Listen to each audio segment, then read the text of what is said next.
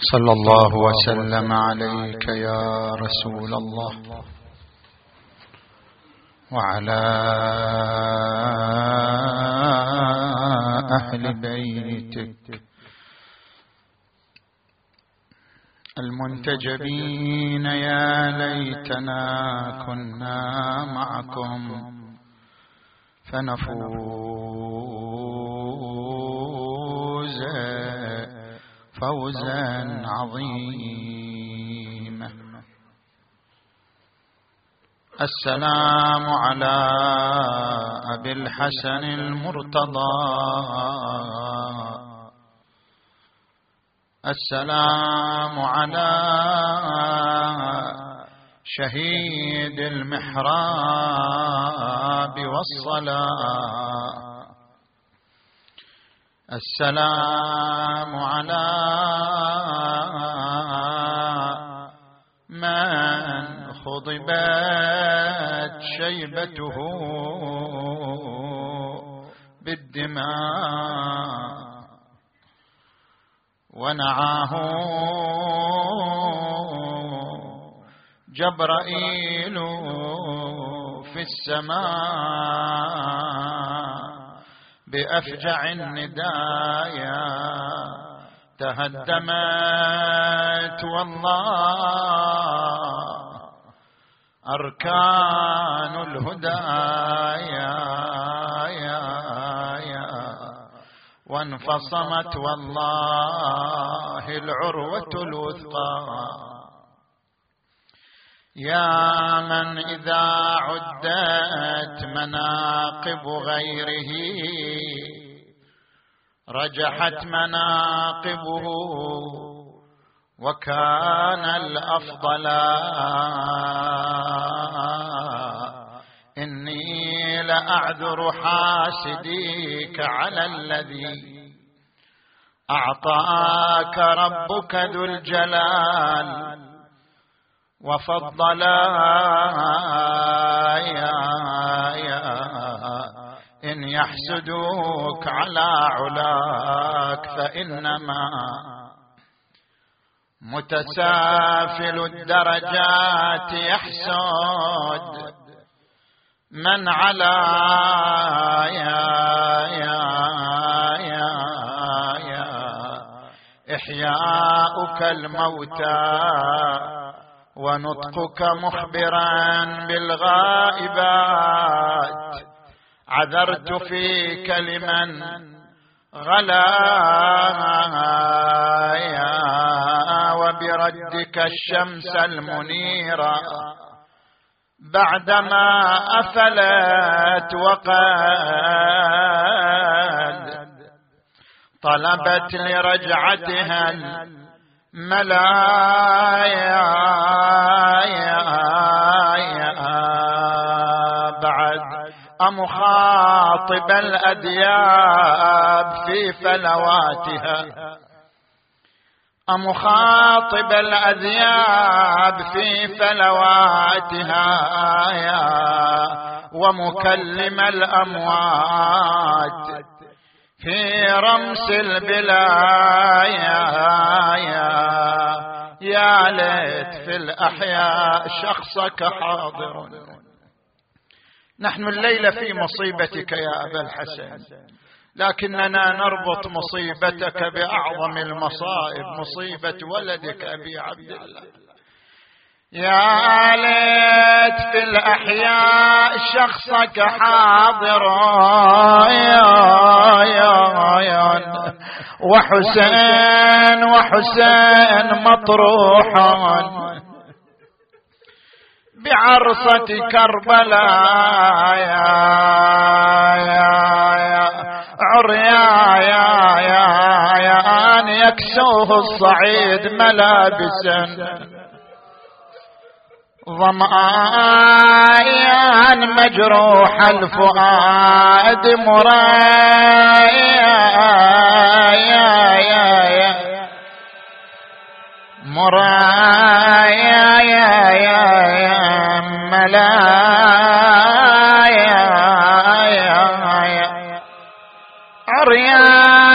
يا يا يا يكسوه الصعيد ملابسا إيه والله ضمان مجروح الفؤاد مرايا. مرايا يا يا ملايا. بعد الشاعر الشعب شي يقول هالنوح يا زهر على منه تنوحي انت كل يوم مصيبة يا فاطمة الزهراء. كل يوم فاجعة يا فاطمة الزهراء. لكن هذا النداء لابد من توجيهها. هالنوح يا زهر على منه تنوحين. نوحج على المسموم لو نوحج على حسين. نادت يا ويلي والدمع بالخد. بادي لتهيجوني يا خلق كلهم اولادي لكن مصاب حسين ساط في فؤادي. كل المصايب هوناتها مصيبته. أبكي على أولادي. دهري رماني بالرزايا بكل الدهور وانساني الليل بجنب الباب مكسر وعظام على قلبي فجيعة يوم. كل البكا والنايح والصيحة على. أعوذ بالله من الشيطان الغوي الرجيم. قدموا شوية الجماعة لا تقدموا أكثر حتى يصير مجال لمن يأتي تقدموا شوية شوية قليل. بعد شوية بعد شوية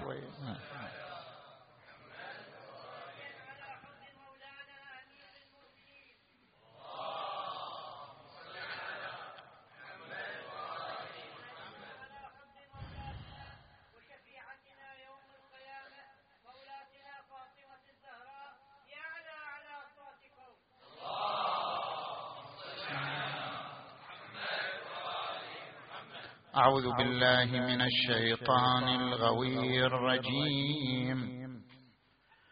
بسم الله الرحمن الرحيم. إنما وليكم الله ورسوله والذين آمنوا الذين يقيمون الصلاة ويؤتون الزكاة وهم راكعون. آمنا بالله صدق الله العلي العظيم. انطلاقا من الآية المباركة نتحدث في محورين. في منهج حقوق الإنسان وفي دولة علي بن أبي طالب وهي دولة الإنسان. نأتي اولا للمحور الأول.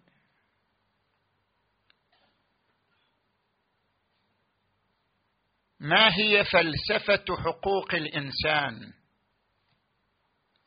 في عام 1948 أصدرت الأمم المتحدة لائحة حقوق الإنسان.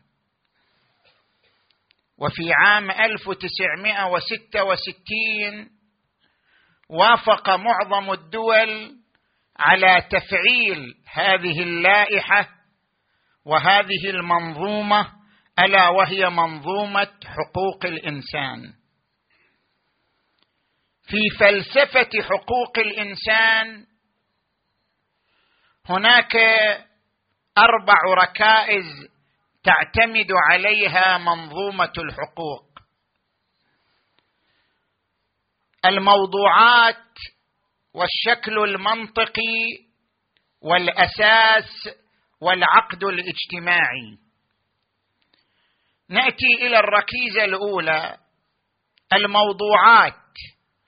ما هي المجالات التي تثبت فيها حقوق الإنسان؟ هناك أربعة مجالات رئيسية تتفرع عنها المجالات الأخرى تعتبر هي الموضوع لحقوق الإنسان. التعليم الصحة الملكية الحكم. للإنسان حق الفرصة في التعليم للإنسان حق الفرصة في أن يجد بيئة صحية وغذاء صحيا وأن توفر له المرافق الصحية. للإنسان حق الملكية أي من حقه أن يجد فرصة للعمل وفرصة لامتلاك الثروة. للإنسان حق في تقرير مصيره. اذا هناك أربعة مجالات هي موضوعات حقوق الإنسان التعليم والصحة والملكية والحكم بمعنى تقرير المصير. نجي إلى الركيزة الثانية. الركيزة الثانية لحقوق الإنسان ألا وهي الشكل المنطقي. الشكل القانوني والشكل المنطقي لحقوق الإنسان يتضمن ثلاثة عناصر الحرية والواجب والسلطة. مثلا عندما نقول للإنسان حرية الصحافة للمواطن حرية الإعلام. الحرية تشكل العنصر الأول من عناصر الشكل القانوني للحق. الحرية للإنسان أن يؤسس مصنع. الحرية للمواطن في الصحافة والإعلام. العنصر الثاني الواجب كما أن للمواطن حرية في مجال الإعلام على الدولة أن تحمي هذه الحرية وأن تدافع عنها. هذا ما يسمى بالواجب العنصر الثاني. حرية من جهة واجب من جهة أخرى. كما ورد عن الإمام أمير المؤمنين علي عليه السلام إن الحقوق أوسع الأشياء في التواصف وأضيقها في التناصف. لا تجري لأحد حتى تجري عليه ولا تجري على أحد حتى تجري له. يعني لا تثبت حرية لأحد من جهة إلا وهناك واجب من جهة أخرى. العنصر الثالث السلطة. لابد من وجود سلطة تحمي الحقوق وتؤلف بين المصالح المتزاحمة. أضرب لك مثال. من حق المواطن أن ينشئ مصنع. طيب لو أنشأ المواطن مصنع في البتروكيماويات وهذا المصنع يلوث البيئة هل من حقه أن ينشئ المصنع حتى على حساب تلويث البيئة؟ لا لأن هنا تزاحم بين المصالح. مصلحة المواطن أن يستثمر أمواله في إنشاء مصنع. مصلحة بقية المواطنين أن يعيشوا بيئة صحية غير ملوثة. هنا تتدخل السلطة في عدم التعارض بين المصالح. وعدم التزاحم بين حقوق المواطنين. اذا الشكل المنطقي للحق حق المواطن يتألف من عناصر ثلاثة حرية وواجب وسلطة. نجي إلى الركيزة الثالثة. الركيزة الثالثة لحقوق الإنسان ألا وهي الأساس. على أي أساس نعطى حقوق؟ على أي أساس يكون للمواطن حقوق؟ ما هو المنطلق الذي على ضوئه تثبت الحقوق للمواطن؟ هنا يقال بأن الأساس يتفرع إلى عنصرين العنصر الأول الطبيعة. الإنسان خلق حرا اذا له الحرية. ما دام الإنسان خلق حرا مقتضى طبيعته أن تكون حقوقه على ضوء طبيعته.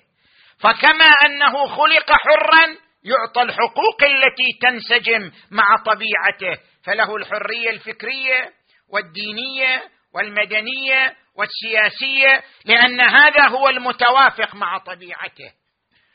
العنصر الثاني الجهد والطاقة. ما لم يبذل المواطن جهدا وطاقة لا يستطيع أن يتحصل على الحقوق. الأرض مليئة بالكنوز مليئة بالمعادن مليئة بالطاقات لكن لا يثبت للمواطن حق في هذه المعادن إلا إذا بذل جهدا في تحصيلها بذل جهدا في تطويرها بذل جهدا في استثمارها. اذا المنطلق للحقوق عنصران طبيعة البشرية وبذل الجهد والطاقة. نجي إلى الركيزة الرابعة. الركيزة الرابعة من ركائز حقوق الإنسان العقد الاجتماعي. لاحظوا كما قلنا في البداية عام 1948 أصدرت جمعية الأمم المتحدة آنذاك لائحة حقوق الإنسان. لكن هذه اللائحة لم تتفعل ولم تصبح نظاما فاعلا إلا بعد أن اتفقت عليها معظم الدول عام 1966 اذا بدون عقد اجتماعي لا يمكن أن تكون حقوق الإنسان فاعلة. نظام حقوق الإنسان لا يمكن أن يكون فاعلا ما لم يدعمه الاتفاق ما لم يدعمه العقد الاجتماعي ما لم يدعمه التواضع والتباني. الاجتماعي وإلا يبقى نظاما فاشلا غير فاعل. بعد أن أخذنا المامه سريعة على لائحة حقوق الإنسان وفلسفة حقوق الإنسان والركائز الأربع التي تقوم عليها منظومة حقوق الإنسان نأتي إلى المحور الثاني من حديثنا دولة علي بن أبي طالب. هل كانت دولة علي بن أبي طالب دولة الإنسان؟ أم كانت دولة علي بن أبي طالب دولة نظام شمولي ليس للإنسان حرية أو رأي أو مجال فيه؟ ما هي الصورة التي خرجت بها دولة علي بن أبي طالب؟ دولة علي بن أبي طالب دولة الإنسان لأنها كرمت واحترمت الإنسان من حيث هو إنسان. وفرت له الحقوق من حيث هو إنسان لا من حيث عنوان آخر ولا لائحة أخرى. حتى نؤكد على ذلك وحتى ندلل على ذلك.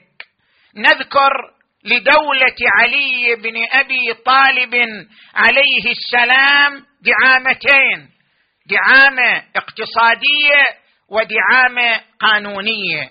نجي إلى الدعامه الاقتصادية. أي إيديولوجية ما تقدر تدرسها بدون نظام اقتصادي. أي إيديولوجية تعرض عليك حتى تكتشف أنها تحترم الإنسان أم لا؟ اقرأ نظامها الاقتصادي النظام الاقتصادي هو العصب لجميع المجتمعات البشرية. النظام الاقتصادي هو العصب لأي دولة لأي منهج. إذا أردت أن تعرف هذا النظام نظاما يحترم الإنسان أم لا؟ اقرأ النظام الاقتصادي. لهذا النظام لهذا المنهج. لذلك نحن عندما نريد أن نقرأ عليا عليه السلام فلنقرأ عليا ودولته من خلال النظام الاقتصادي الذي وضعه علي بن أبي طالب عليه السلام. هنا نحن نذكر قانونين من القوانين التي شرعها الإمام علي في نظامه الاقتصادي في دولته دولة الإنسان. القانون الأول الموازنة بين الإنتاج والتوزيع. أنت من تجي تقرأ النظام الرأسمالي له الحاكم اليوم النظام الرأسمالي يرى أن الإنتاج هو بنفسه هدف. الإنتاج هو بحد ذاته هدف. الإنتاج وتر وت... الإنتاج وتحصيل الثروة هو في حد ذاته هدف مطلوب. هل أن نظام علي يرى هذه الرؤية؟ لا. الإمام علي يرى الإنتاج مجرد وسيلة لا أكثر. الإنتاج وسيلة لتوزيع عادل. الإنتاج وسيلة لموازنة بين مستوى الإنتاج وحجم التوزيع. الإنتاج مجرد وسيلة. خل أفهم هذا بمثال. مثلا إحنا عندنا الآن في القانون الإسلامي. من أحيا ارضا مواتا فهي له. أنت إذا تطلع إلى خارج المدينة إلى أرض المفتوحة. زين؟ وتبذل طاقة وتبذل جهد وتحيي أرض بزراعة ببناء بأي نوع من أنواع الإحياء. أنت تملك الأرض. من أحيا ارضا مواتا فهي له. طيب هذا الإحياء إنتاج. بس هذا الإنتاج ليس على حساب التوزيع. شلون؟ أكو واحد يقدر يحيي أرض خمسين كيلو. أكو واحد يقدر يحيي أرض مئة كيلو. كل حسب قدرته وتوفر الأدوات له. يعني هل هذا مسموح؟ كل واحد إذا كل واحد يقدر يحيي أرض خمسين كيلو مئة كيلو ألف كيلو اذا لم تبقى أرض يسكنها الناس. اذا لابد من موازنة بين الإنتاج والتوزيع. هنا تتدخل السلطة لتحقيق الموازنة بين الإنتاج والتوزيع. ليس له أن يحيي الأرض على حساب حاجة غيره في تحقيق السكن على حساب حاجة غيره في توفير أرض للاستثمار. لابد من موازنة بين الإنتاج والتوزيع. من هنا علي بن أبي طالب في عهده لمالك الأشتر. يقول هذا ما عهد به عبد الله علي بن أبي طالب إلى واليه مالك ابن الأشتر النخعي حين ولاه مصر. ماذا عهد إليه؟ جباية خراجها واستصلاح أهلها وعمارة بلادها وجهاد عدوها أربعة عناصر وضعها الإمام علي لتطبيق النظام الاقتصادي. جباية خراجها هذا توزيع. استصلاح أهلها هذا إنتاج واستثمار. عمارة بلادها هي الموازنة بين الإنتاج وبين التوزيع. إنما تتحقق الموازنة بين الإنتاج والتوزيع. إذا كان ذلك الإنتاج وسيلة لإعمار البلاد وعمارة بلادها بعد عنصر الحماية اللي السلطة تقوم به وجهاد عدوها المقصود بجهاد عدوها حماية الشركات حماية رؤوس الأموال عن التلف عن الضياع عن الإهدار. اذا يضع نظاما اقتصاديا يحقق الموازنة بين مستوى الإنتاج وبين حجم التوزيع. هذا تجي إلى القانون الأول. القانون الثاني أن التداول شعبة من شعب الإنتاج. كيف يعني؟ إحنا من نجي إلى المصطلحات الاقتصادية؟ تداول غير الإنتاج. الإنتاج تطوير المادة بحيث تلبي حاجة المستهلك.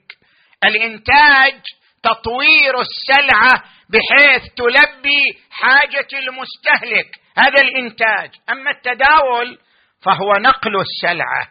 إما تداول عمودي نقل المادة من باطن الأرض إلى أن تكون بيد المستثمر أو تداول أفقي نقل المادة من المصنع إلى يد المستهلك. التداول غير الإنتاج. هذا حسب المصطلح الاقتصادي. في نظام علي بن أبي طالب عليه السلام التداول شعبة من شعب الإنتاج. يعتبر التداول في نفسه وسيلة من وسائل الإنتاج شعبة من شعب الإنتاج. اقرأ عهده لمالك الأشتر. طبعا هذا العهد إذا نقرأه قراءة اقتصادية نحتاج إلى عشر ليال نقرأه. إحنا نركز على نقاط مختصرة. الإمام علي عليه السلام في عهده لمالك الأشتر يقول واستوصي بالتجار وذوي الصناعات.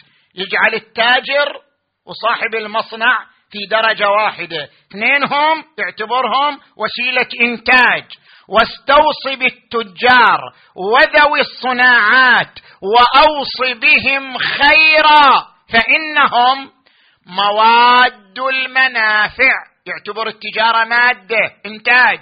مواد المنافع وأسباب المرافق وجلابها من المباعد والمطارح. التداول في نظر علي شعبة من شعب الإنتاج. هذا مو كلام قانوني لهذا تطبيق. بمعنى أن للتجاره نفس الحقوق التي تعطى للمستثمر صاحب المصنع هي نفس الحقوق لأن كليهما وسيلة إنتاج وليس تداولا محضا. زين. هذه الدعامة الاقتصادية في دولة علي بن أبي طالب دولة الإنسان نجي إلى الدعامة الثانية دعامة القانونية. كيف المواطنة في دولة علي؟ ما معنى المواطنة في دولة علي بن أبي طالب؟ المواطنة بحسب المصطلح القانوني علاقة عضوية بين الفرد والدولة. زين؟ من ملك الجنسية ملك المواطنة فكانت عليه واجبات وله حقوق. يجب على المواطن الإخلاص للدولة. يجب على المواطن الدفاع عن الدولة بنفسه بأمواله بجميع ما عنده. وفي نفس الوقت له حقوق حق التعليم وحق الصحة وحق الملكية الحقوق التي ذكرناها سابقا. زين أما عند علي كل من آمن بالله ولو لم يكن مسلم فهو مواطن. ما يحتاج هذا يحمل جنسيه أو شيء. كل من آمن بالله حتى لو مو مسلم نصراني يهودي صابئي كل من آمن بالله فهو مواطن. وأن هذه أمتكم أمة واحدة وأنا ربكم. فاعبدون. المواطنة في دولة علي تتمتع بعدة حقوق ركز عليها. الحق الأول المساواة في المفرده القانونيه اقرأ هذه الكلمة الرائعة في عهده لمالك الأشتر. يقول وأوصيك بالرعيه واللطف بهم والرفق بهم ولا تكونن عليهم سبعا ضاريا يغتنم أكلهم فإن الناس صنفان. إما أخ لك في الدين أو نظير لك في الخلق. خلاص ما دام هو نظير لك في الخلق هو مواطن. له جميع الحقوق التي تثبت للمسلم. لا فرق بين المسلم وغير المسلم. ما دام نظيرا لك في الخلق فهو يتساوى قانونيا مع المسلم. إما أخ لك في الدين أو نظير لك في الخلق. طيب هذا الحق الأول. تساوي في القانون. الحق الثاني التساوي في العطاء. ما في فرق في العطاء بين هذا وهذا. جاءت امرأة من قريش زين ومعها جاريتها خادمة عندها. قالت يا أمير المؤمنين إني معوزة أعطني راتب هيئ لي راتب من بيت المال. أعطاها راتب وأعطى الخادمة راتب مساوي. راتب الخادمة مساوي لراتب المرأة. قالت يا أبا الحسن أنا قرشية وهذه جاريتي. كيف تساوي بيني وبينها في الراتب؟ قال لها يا أمة الله ما وجدت في كتاب الله فضلا لبني إسماعيل على بني إسحاق. الجميع على حد سواء يتساوون في العطاء. لا فرق بينهما. زين؟ تجي هذا الحق الثاني المساواة في العطاء. الحق الثالث المساواة من حيث احترام دور العبادة مهما تعددت الأديان. الإمام علي عليه السلام وهو ذاهب إلى صفين مر على دير دير زين كنيسة فقال أحد أصحابه هذا مكان طالما عصي فيه الله. قال ما؟ قل هذا مكان طالما عبد فيه الله. وكنيسة صومعة دير ايا كان. هو محترم كسائر دور العبادة. هذا مكان طالما عبد فيه الله. ولا تقل هذا مكان طالما عصي فيه الله. زين؟ تجي إلى الحق الرابع. ضمان حقوق العمال. مو العامل اذا يتقاعد ما إلى حقوق أو يعجز ما إلى حقوق. الإمام علي عليه السلام يمر في السوق. فيرى رجلا نصرانيا يتسول. الامام علي كان يحارب ظاهرة التسول. قال ما هذا؟ قالوا هذا نصراني. زين عجز عن العمل وكبر حتى احتاج إلى المسألة. قال ويحكم استخدمتموه حتى إذا كبر تركتموه. يتكفف الناس أعطوه من بيت مال المسلمين. خصص إلى راتب ضمانا لتقاعده من بيت مال المسلمين. زين؟ تجي إلى الحق الخامس عن علي بن أبي طالب. أن لم امتيازات لأسرة الحاكم. هو صحيح حاكم وعنده أسرة بس اسرته ما اليها امتيازات اطلاقا.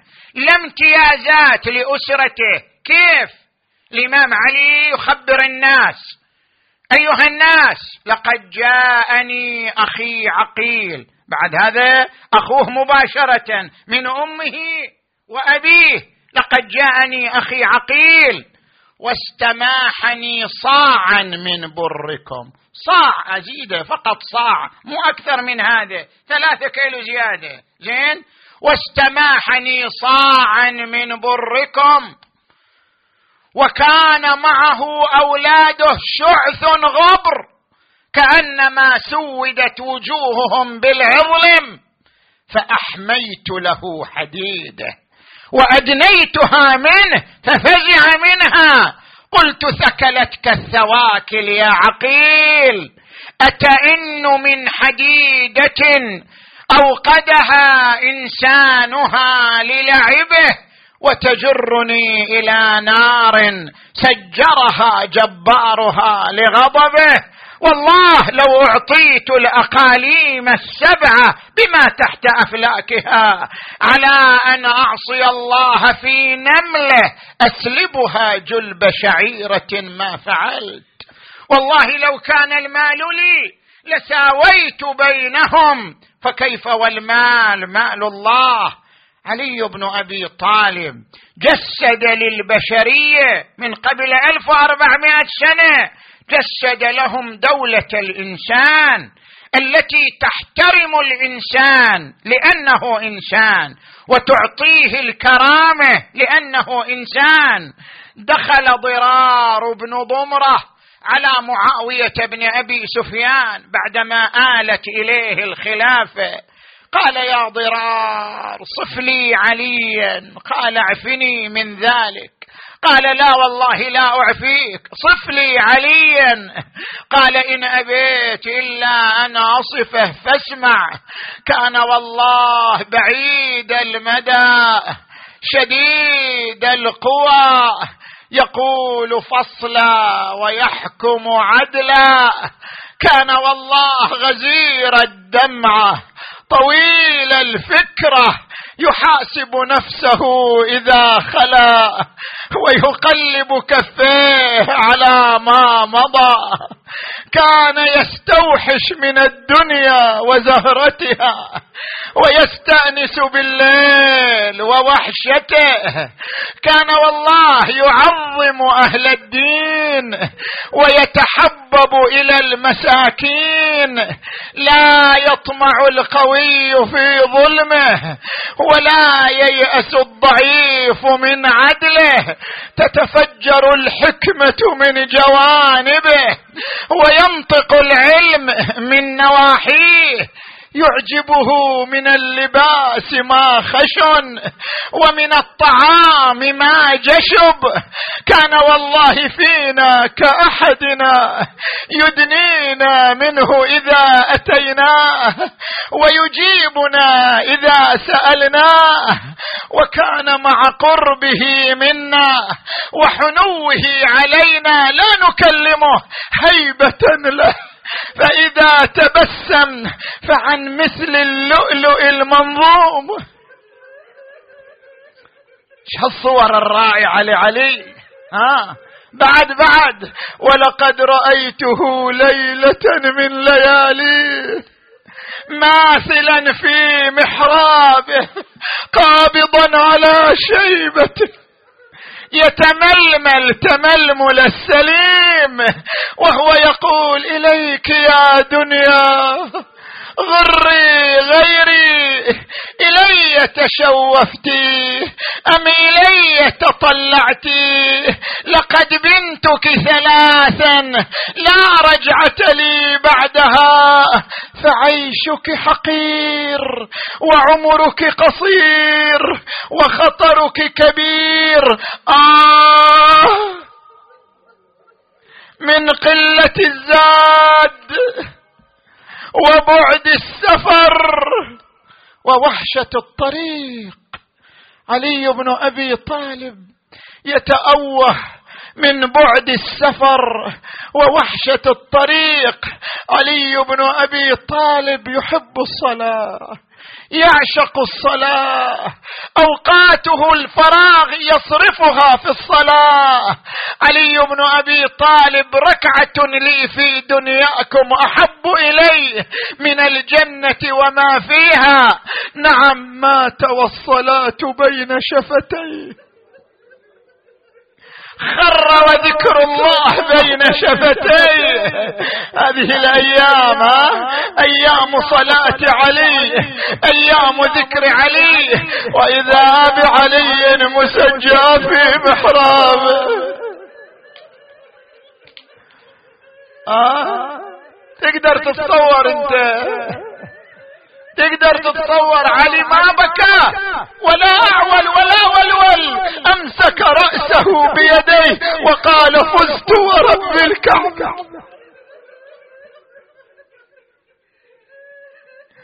ارتجت أركان المسجد اصطكت الأبواب اجتمع الناس. من كل مكان أقبلوا إلى المحراب. والإمام مسجى أقبل الحسن والحسين. الحسن جلس عند رأسه الحسين عند رجله. أبا من فعل بك هذا؟ قطع قلوبنا أحرق أكبادنا. قال بني حسن قتلني ابن ملجم. والآن يدخل عليكم من باب كنده على يد رجل محب لنا أهل البيت. بينما هم واقفون وإذا بحذيفة بن اليمان أقبل وبيده الرجل أمسك به أوقف به أمام أمير المؤمنين. قال أمير المؤمنين كيف بصرت به؟ قال بينما أنا نائم. وإذا بزوجتي توقظني. حذيفة! حذيفة! تنام! لا نامت عيناك! قلت ماذا؟ قتل أمير المؤمنين!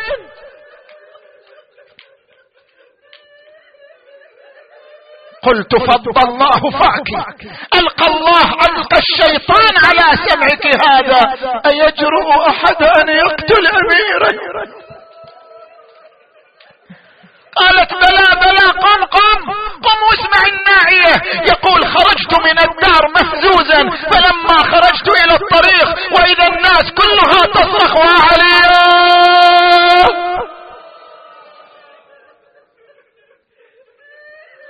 ضجة بالكوفة عظيمة ها؟ والناس على بعضهم البعض ها؟ يذهبون إلى المسجد يقول فرأيت هذا الرجل في الطريق قلت أما سمعت الخبر؟ قال ماذا؟ قلت قتل أمير المؤمنين قال لا أدري. قلت نذهب لنتفحص عن الخبر قال أنا مشغول. فقلت انت قاتله؟ فأراد أن يقول لا. فقال نعم فأمسكت به وجئت به إليكم. التفت أمير المؤمنين اليه يا ابن ملجم ألم أحسن إليك؟ قال بلى. قال لم قتلتني؟ قال لقد سقيت السيف السم أربعين صبابا. يعني الضربة مسمومة يعني وجه علي أصفر لونه. واغتسل بدمائه. قال احملوني إلى بيتي فلقد اثر نزف الدماء على كبدي. تصور أنت شلون حملوا علي بن أبي طالب ها؟ بطل باب خيبر هذا الفارس العظيم. وإذا به محمول على الأعناق والناس خلف تنادي واماما يا اقبلوا به إلى الدار من الذي استقبل تدري؟ من هو اللي واقف على باب الدار يستقبل من؟ من يتلقى الجسد؟ ها الإمام وصل إلى باب الدار قال انزلوني انزلوني. ليش سيدي ليش؟ قال لا أريد أن تراني العقيلة زينب. محمولا على الأعناق. أدخلوه إلى الدار. وضعوه على فراشه. أقبلت العقيلة زينب. أقبلت أم كلثوم. الله يساعدهم الليلة. أبا أبا أبا. من للصغير حتى يكبر. ومن للكبير بين الملايا أبتاه أبا حزننا عليك عظيم.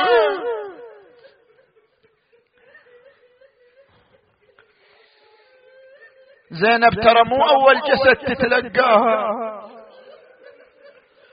صحيح هي اللي تلقت جسد عليها. وهي اللي مسحت الدماء عن جبهته. وهي اللي وضعت العصابة على رأسه. لكن تدري هذا مو أول جسد تتلقى. أجساد تلقتها العقيلة زينب ها أجساد وقعت بين يديها. أول جسد الذي نادى بين الحائط والباب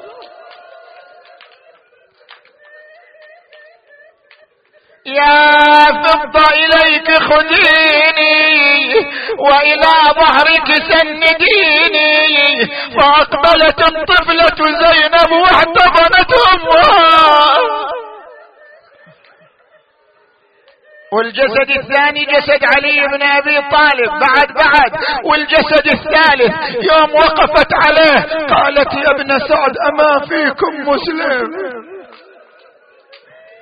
يوم وقفت على هالجسد تذكرت الأجساد اللي قبلها. يا ابن سعد أما فيكم مسلم يجهز هذا الجسد العريان؟ قال يا ابنة علي أبعد الأطفال عن جسد. أبعدت الأطفال عن جسد يا شيعة. يا موالين جسد الإمام علي ما مثل به. جسد الإمام علي ما جرح لكن هذا الجسد الآخر ما أدري أقول يا أبا الحسن يعز عليك. زينب واقفة والأطفال واقفة. وإذا بعشر من خيول الأعوجية تنعلت بالحديد وداست على صدر الحسين.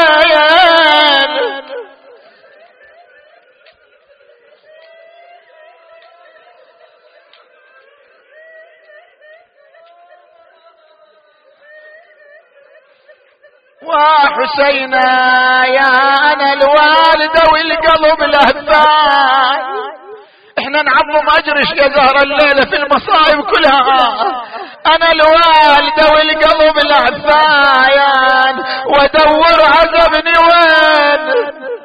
ما جايان أوالي على ابن المات.